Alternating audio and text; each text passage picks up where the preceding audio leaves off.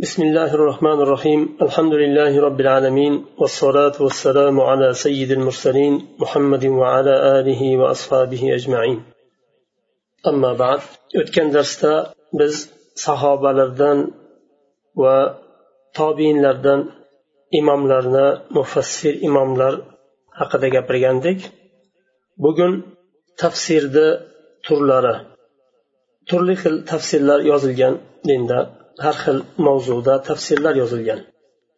Birinchi turi lug'aviy tafsirlar.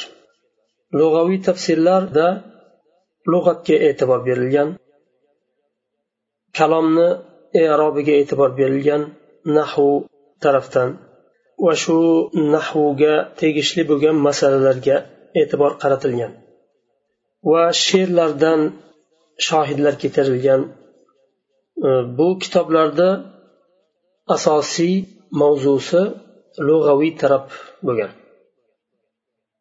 Masalan zajjoj vahidiy al vasid degan kitobda va ibn hayyan al bahrul muhit kitobida tafsirida zamaxshariy al kashshof degan tafsirida va nasafiy kashshofni tafsirini yozganda u kishi ham shu lug'aviy tarafiga ko'proq e'tibor bergan. Shayx ma'mun al hammush aytadilar lug'aviy tarafni ko'proq ochiqlashga harakat qilishlik bilan va shu bilan cheklanib qolishlik ko'proq ahamiyatni lug'atga berishlik bilan asosiy nima? Nabaviy manhajdan chetga chiqilishligiga sabab bo'ladi degan.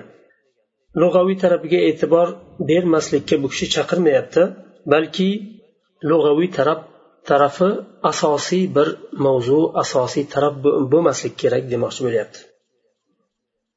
Ikkinchi turdagi tafsirlar aqliy tafsirlar va falsafiy tafsirlar. Bu tafsirlardan mafatihul g'ayb faxri roziyni kitobi. Bu kishi bu tafsirda falsafachilarni filosoflarni so'zlarini ko'p ketirgan va ularni E, shubhalarini zikr qilib raddiya ham bergan. Falsafa bilan tafsir qilishlik aqliy tafsir nabaviy manhajga qarshi. Chunki aql bilan qur'onni tafsir qilinmaydi va falsafachilarni filosoflarni so'zlari bilan qur'on tafsir qilinmaydi hech qachon. Abu ubayd al qosim ibn salam roziyallohu anhu rivoyat qiladilar abu bakr siddiqdan. U kishidan so'raydilar abu bakr siddiq roziyallohu anhudan so'raydilar va fakihata va abba? Abasa surasini o'ttiz birinchi oyatni ma'nosini so'raydilar. Va fakihata va abba? Nima degani deb so'raganlarida qaysi osmon soya qilsin menga soya qilsin va qaysi yer mani ustida ko'tarsin agar allohni kitobida bilmagan narsamni gapirsam deydilar u kishi. Boshqa rivoyatda keladi ollohni kalomini aqlim bilan tafsir qilsam deydi. Umar ibn hattob roziyallohu anhu shu oyatni tilovat qiladilarda va abba. Aytadilar ab fokiha va meva. Mevani bildik. Jannatda demak bir mevalar bo'ladi. Ab nima degani u? Deydilar. Undan keyin o'zlariga keladilarda aytadilar ya umar. Bu takalluf ey umar deb o'zlariga dalda beradilar. Chuqurlashishlik bir narsaga takalluf qilishlik. Said ibn musayyab rahimaullohdan rivoyat qilinadi. U kishidan halol va haromni so'ralganda odamlarni eng biluvchilari edi u kishi. Agar oyatni qur'ondan bir oyatni so'rasalar sukut saqlardilar. Go'yoki eshitmagan kishidek sukut saqlardilar. Allohni kalomini buyukligini qalbdan his qilganligi uchun allohni kalomini tafsiridan ojiz ekanligini sezganligi uchun. Shunday katta tobiinlardan va tafsir olimlaridan bo'lib turib oyatdan so'ralganlarida sukut saqlaganlar. Nima uchun sukut saqlaganlar deb so'ralsa qur'onni chuqur tushunganliklari uchun qur'onni qanchalik buyuk ekanligini allohni kalomi buni insonni aqli bilan tafsiriga kirishganda xatoga yo'l qo'yishlik ehtimoli borligini yaxshiroq tushunganligi uchun. Imom tobariy rahimaulloh abdulloh ibn abbas roziyallohu anhudan rivoyat qiladilar التفسير على أربعة أوجه. وجه تعرفه العرب في كلامها. ووجه يعرفه كل الناس. ووجه لا يعلمه إلا العلماء. ووجه لا يعلمه إلا الله تبارك وتعالى ذكره. turda bo'ladi to'rt vajhda bo'ladi.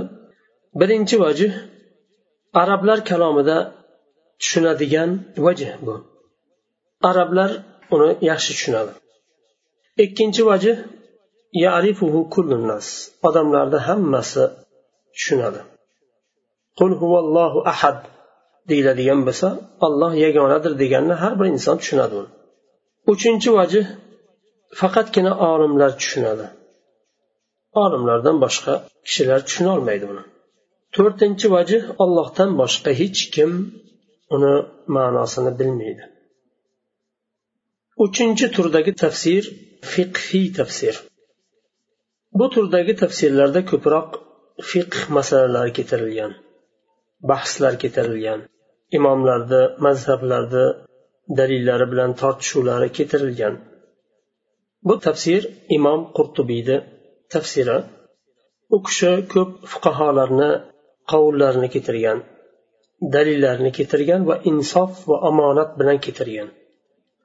Ya'ni har bir fuqarolarni mazhablarni dalillarini qovullarini keltirganda omonat bilan keltirgan hech qanday nimasini o'zgartirmagan holda. Ahkamul qur'on tafsirlari bor.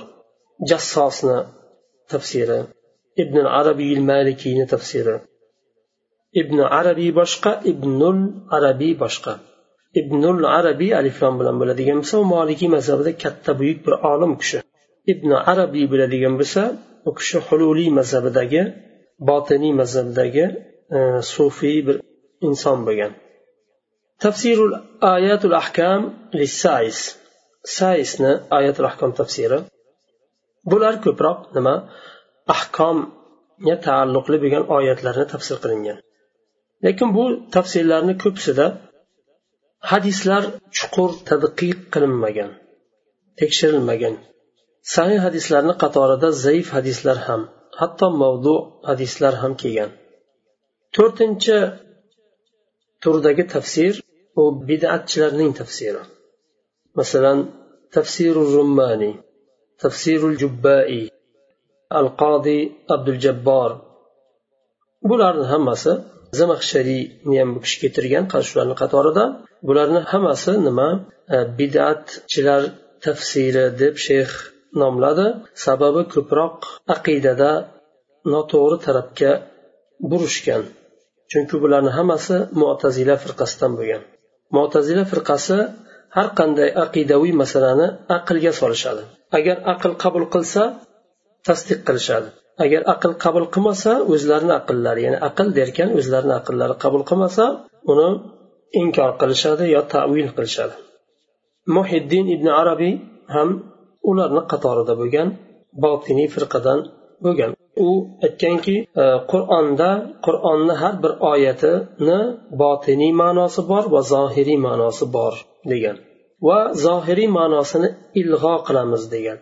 Ya'ni inkor qilinadida botiniy ma'nosi e, nazarda tutilinadi ya'ni shu botiniy ma'nosi olinadi degan. Abu ubayd rahimaulloh shabiydan rivoyat qiladilar. Shabiy masruqdan rivoyat qilgan. U kishi aytadilar ittaqu tafsir tafsirdan ehtiyot bo'linglar. Tafsir qilganda ollohdan qo'rqinglar. Chunki bu qur'on ollohdan rivoyatdir ollohdan kelgan rivoyatdir jibril alayhissalom keltirgan ibn jarir rivoyat qiladilar ubaydulloh ibn umardan u kishi aytadilar لقد أدركت فقهاء المدينة فإنه وإنهم لا يعظمون القول في التفسير من مدينة فقهاء لرنا كردم zamonida yashadim ular tafsirdagi tafsirda qovulni ya'ni tafsirga jiddiy qaraydilar. Ular tafsir haqida gapirishlikni buyuk deb biladilar. Beshinchi turdagi tafsir tarixiy tafsir. Bu tafsiru salabiy val hozinga o'xshagan. Bular ko'proq o'tgan ummatlar xabarlarini keltirishgan.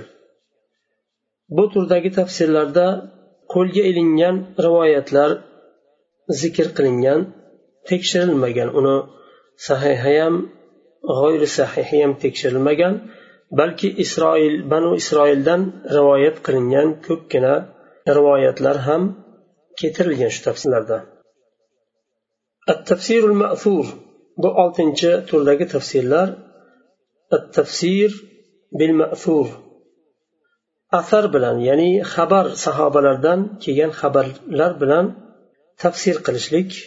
Bu tafsir tobariy tafsir ibn munzir tafsir ibn abi hotim va tafsirul bag'aviy va tafsir ibn kafir bular hammasi tafsir bil mafur ya'ni asar bilan xabar bilan hadis va undan keyin sahobalarni qovullari bilan qilingan tafsirlar.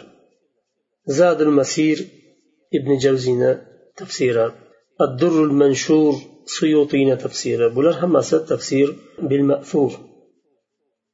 Imom tabariyni tafsirlari eng mashhur tafsirlardan hisoblanadi.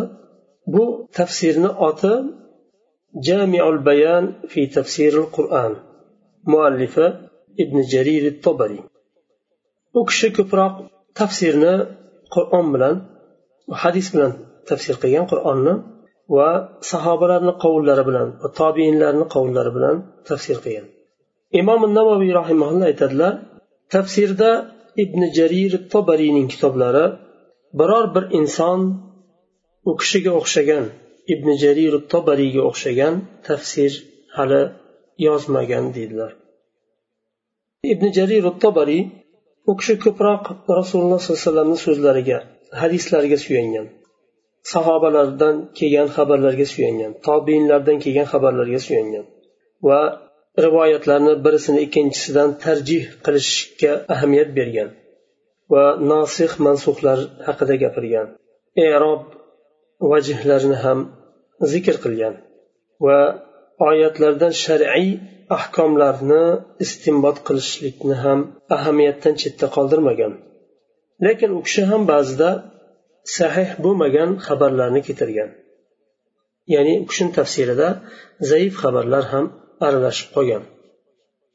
Hatto isroil banu isroildan kelgan rivoyatlar ham kirib qolgan. Tafsir tobariydan keyingi o'rinda turadi. Mashhurlikda tafsir ibn kafir bu kitobni nomi tafsirul qur'an azim. Muallifi al hafiz imaduddin ismoil ibn umar ibn kathir al qurashiy dimashqiy bu kishi yetti yuzinchi hijriy sanada tug'iladilar yetti yuz yetmish to'rtinchi hijriy sanada vafot qiladilar u kishi ilmda mutamakkin tarix ilmida hadis ilmida mutamakkin bo'lgan olimlardan edi kitob taklif qilishda ham alohida o'zlarini bir uslublari bor edi. Juda ham bir yaxshi uslubda kitob tasnif qiladilar. Bu kishi ham tafsirga tobariydan keyinda turadilar. Tafsir tobariydan keyin. Bu kishi ham rivoyatlarga e'tibor berishgan e, saraflardan rivoyatlarni ko'proq keltirgan hadislarni va roviylar haqida gapirgan kitoblarida tafsir qilishlik uslubi bu kishini. Tafsirda birinchi oyatni zikr qilganlar undan keyin yengil iborada shu oyatni tafsir qilganlar. Undan keyin boshqa oyatlardan shohidlar keltirganlar va undan keyin sunnatdan hadislardan keltirganlar shu oyatni sharhida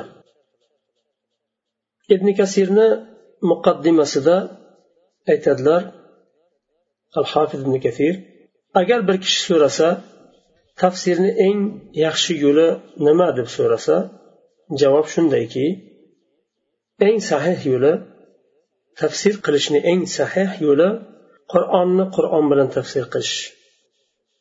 Oyat bir o'rinda mujmal keladigan bo'lsa boshqa o'rinda kengroq ma'noda kelgan. Kengroq ma'noda kelgan oyat mujmal ma'noda kelganini tafsir qiladi. Agar shu narsani tushuna olsangiz ilmingiz yetsa ya'ni. Agar buni tushunib yetolmasangiz yoyinki topolmasangiz bu oyatni tafsir qiladigan bir oyatni tafsir qiladigan boshqa oyatni topolmasangiz sunnatdan izlang deydilar u kishi. Chunki sunnat qur'onni sharhidir. Agar tafsirni qur'ondan ham sunnatdan ham topolmasangiz bir oyatni tafsirini qur'ondan ham sunnatdan ham topolmasangiz sahobalarni so'zlariga qayting deydilar. Chunki ular qur'onni yaxshi tushunadigan va vahiy nozil bo'layotgan davrda rasululloh sollallohu alayhi vasallamni asrlarida yashagan insonlar qur'onni tushunishlikka ular yaqinroq fahmlari ularni fahmlari qur'onga yaqinroq va sahihroqdir deydilar lekin shunga qaramasdan ibn kasirda ham ba'zi bir banu isroildan kelgan rivoyatlar kirib qolgan deyaptilar bu kishi shu yerda to'xtaymiz keyingi darsda inshaalloh davom etamiz سبحانك اللهم وبحمدك أشهد أن لا إله إلا أنت أستغفرك وأتوب إليك